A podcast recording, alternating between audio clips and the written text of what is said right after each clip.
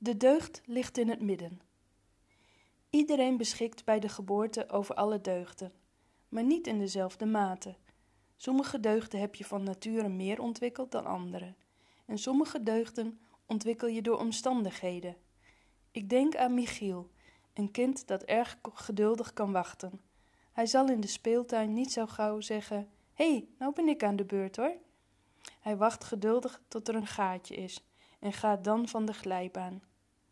Ik weet niet of hij van nature geduldig is of dat hij, een beetje mollig als hij is, gepest wordt en als strategie geleerd heeft om geduld in te zetten. Je kunt een kind als Michiel helpen om evenwichtig te groeien door goed naar hem te kijken. Welke deugden laat hij zien en in welke deugden kan hij gestimuleerd worden? Te veel geduld is niet effectief voor Michiel.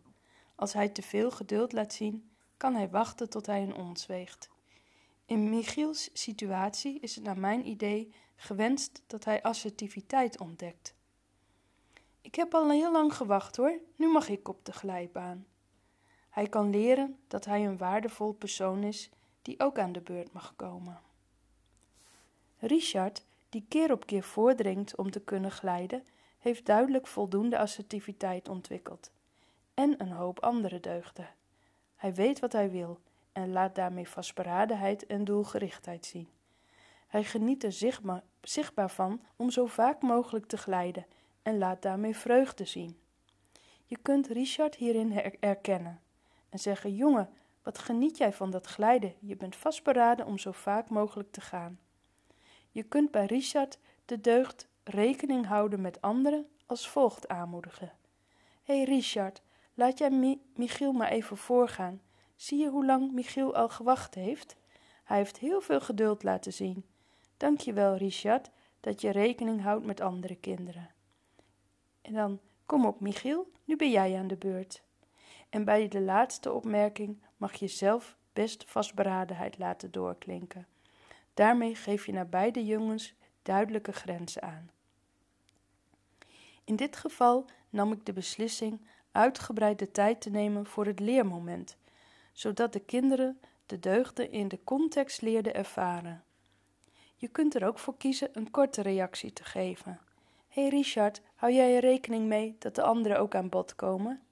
En tegen Michiel: Michiel, stap maar naar voren hoor, je mag best voor jezelf opkomen. In het dagelijkse leven gebruiken we begrippen als ontmoedigd, moed en overmoedigd. Of bijvoorbeeld onverschilligheid, zorgzaamheid en betutteling. Zie je dat de deugd steeds in het midden ligt? Sommige deugden heb je overontwikkeld en andere onderontwikkeld. Het komt erop neer dat ze niet in balans zijn en daardoor niet effectief voor jezelf en voor anderen. Je zult nooit twee mensen met dezelfde vingerafdruk vinden. En zo is het ook met de deugden. Iedereen heeft een uniek deugdenpakket. Omdat je ze allemaal hebt, hoef je ze niet aan te leren. Je kunt wel leren ze meer te ontwikkelen.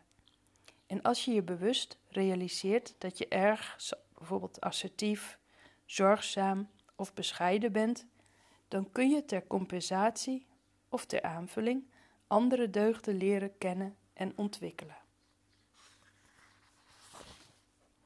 Wat moet je nou niet doen? Zeg niet van jezelf: ik heb geen geduld, of ik ben niet creatief, of ik heb geen zelfdiscipline. Als je jezelf niet creatief vindt, dan heb je waarschijnlijk niet zo heel veel affiniteit met deze eigenschap. Weet dan nu dat je alle eigenschappen in je hebt en kunt oefenen. Probeer ook niet te oordelen over anderen, ook al keur je iemands gedrag niet goed. En denk je misschien, wat een sloddervos. Of zie je te weinig deugd bij iemand als een tekortkoming. Bijvoorbeeld, oh die mensen tonen echt geen respect. Daarmee laat je de ander niet in zijn waarde. Die zal zich ook niet uitgenodigd voelen om iets aan zijn gedrag te veranderen. Wel doen. Kijk welke deugden iemand met zijn gedrag laat zien. Met alles wat je doet, laat je ook goede eigenschappen zien.